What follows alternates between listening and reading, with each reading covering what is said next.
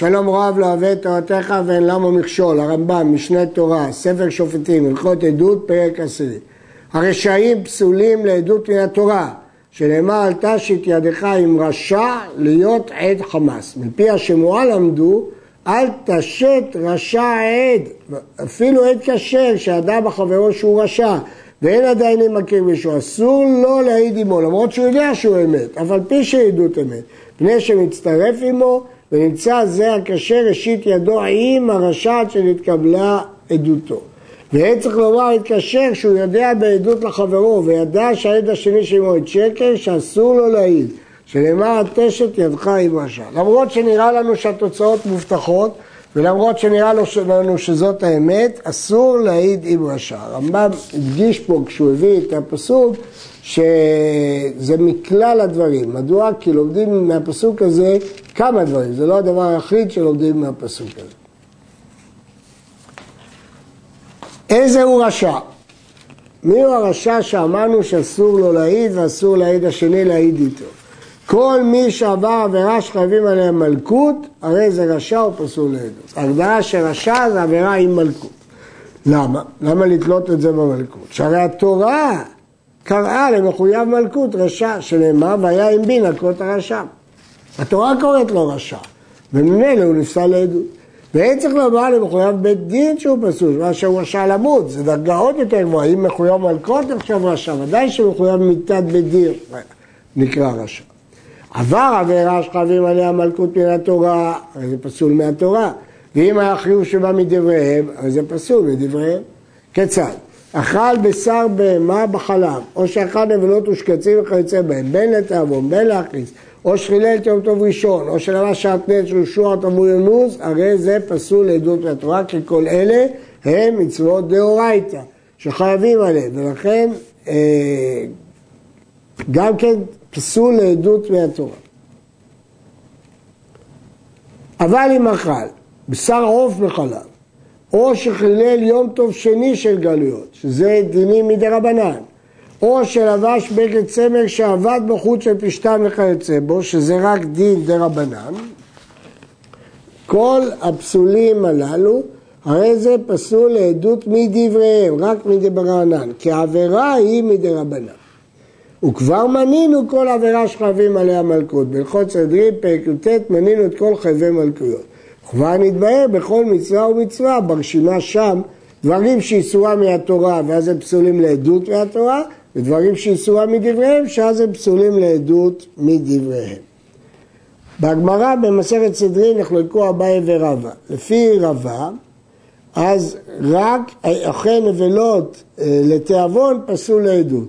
למה? כי רואים שהוא מוכן לעבור עבירה בגלל חימוד ממון שלו. אבל אוכל נבלות להכעיס, כשר, אבל לשיטת אביה הוא רשע. ולכן יש דין אל תשת ידך עם רשע, ובהלכה זו נפסק כאביה נגד רבא, וזה המם של יעל כגם. מומר אוכל נבלות להכעיס. ועוד יש שם רשעים שהם פסולים לעדות, אף על פי שהם בני תשלומים ואינם בני מלכויות. יש כלל, כל המשלם אינו לוקה.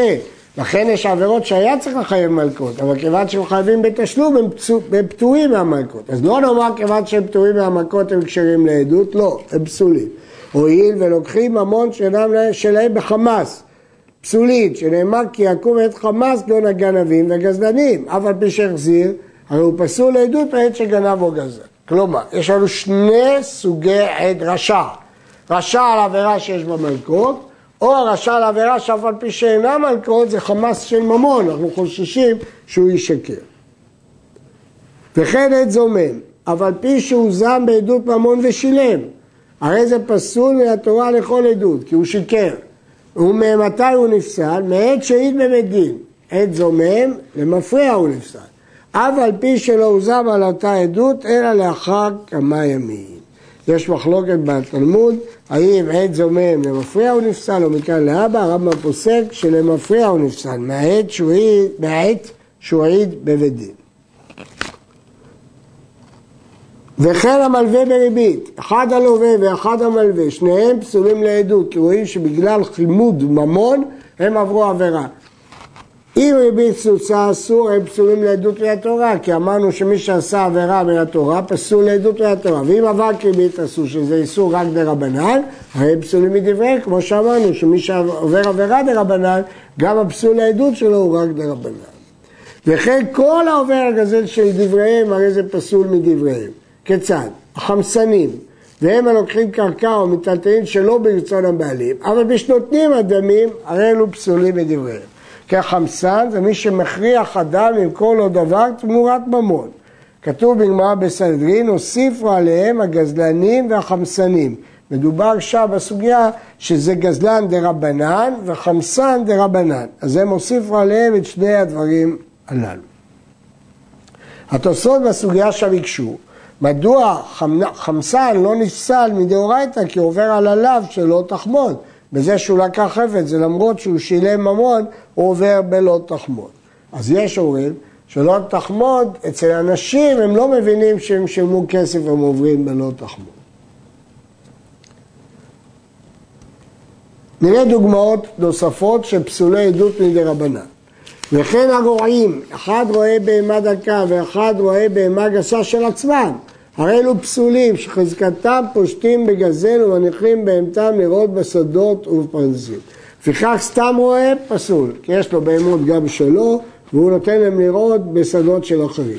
וגדלי בהמה דקה בארץ ישראל פסולים, כי גזרו לא לגדל בהמה דקה בארץ ישראל, אבל בחוץ לארץ כשרים, ומותר לגדל בהמה גסה בכל מקום. אז בהמה דקה שאוכלת את העצים, אסור לגדל בארץ ישראל. אז פה או שמדובר בחוץ לארץ, או בארץ ישראל, במקום שמישהו גידל.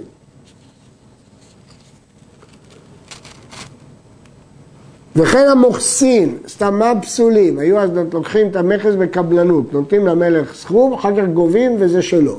ושחזקתם ניקח יותר מדבר קצוב להם בדין המלכות, ולוקחים היתר לעצמם, והם התחייבו למלך לגבות מיסים בסכום כזה, הם גובים יותר ולוקחים את הרווח.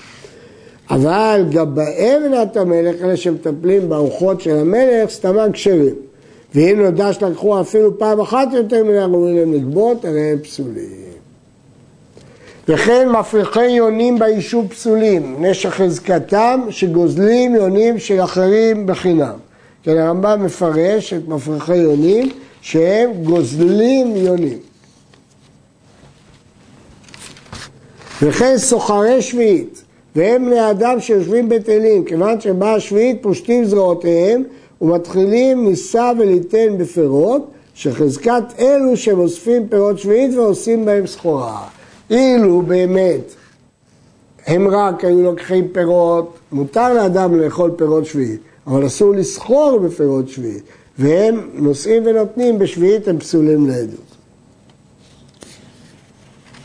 וכן המשחק בקובייה, והוא שלא תהיה לו אומנות אלא היא, זאת העבודה שלו. זאת מחלוקת במשנה, וככה הרמב"ם פוסק. הואיל ואינו עוסק ביישוב העולם, הרי זה בחזקת שאוכל מן הקובייה, שהוא אבק גזל. למה זה אבק גזל? כי זה אסמכתא בעלמא, אנחנו רואים שהוא משחק בקביעות עם קובייה ומזה פרנסתו והפרנסה הזאת בנויה על גזל, כיוון שהשני לא הסכים להפסיד, הוא שם את כספו בהנחה שהוא ירוויח, לא בהנחה שהוא יפסיד. ולא בקובייה בלבד אמרו, אפילו בקליפי אגוזים וקליפי רימונים. גרעינים של פירות וכדומה, אדם משחק על מנת להרוויח, זה גזל, מכיוון שזה אסמכתא בעלמא. וכן לא יונים בלבד אמרו, אלא אפילו הממירים בבהמה חייב העוף, ואומרים כל הקודם את חברו, כל הנצח את חברו, ייטול בעליו את שניהם, כל מיני הימורים וכן כל כיוצא בשחוק זה, והוא שלא לו אלא שחוק זה, הרי זה פסול, וכל אלה פסולים מדבריהם. אומרת שהתוכן שלהם הוא תוכן של גזלה. אריס, שלקח דבר מועט מן הפירות שביקרו בימי ניסן וימי תשרי קודם שתיגמר מלאכתה. אף על פי שלקח שלא מדעת השדה אינו גנב, וכשר לעדות. שהרי בעל השדה, אין בעל השדה מקפיד על זה וכן כל כיוצא בזה. בעל השדה לא אכפת לו שהוא יאכל קצת גם לפני שנגמרה מלאכתה, ולכן כיוון שהוא לא מקפיד זה לא נחשב כגזלה. מקור הדין בגמרא בסנהדרין, כ"ו עמוד ב'. עד כאן.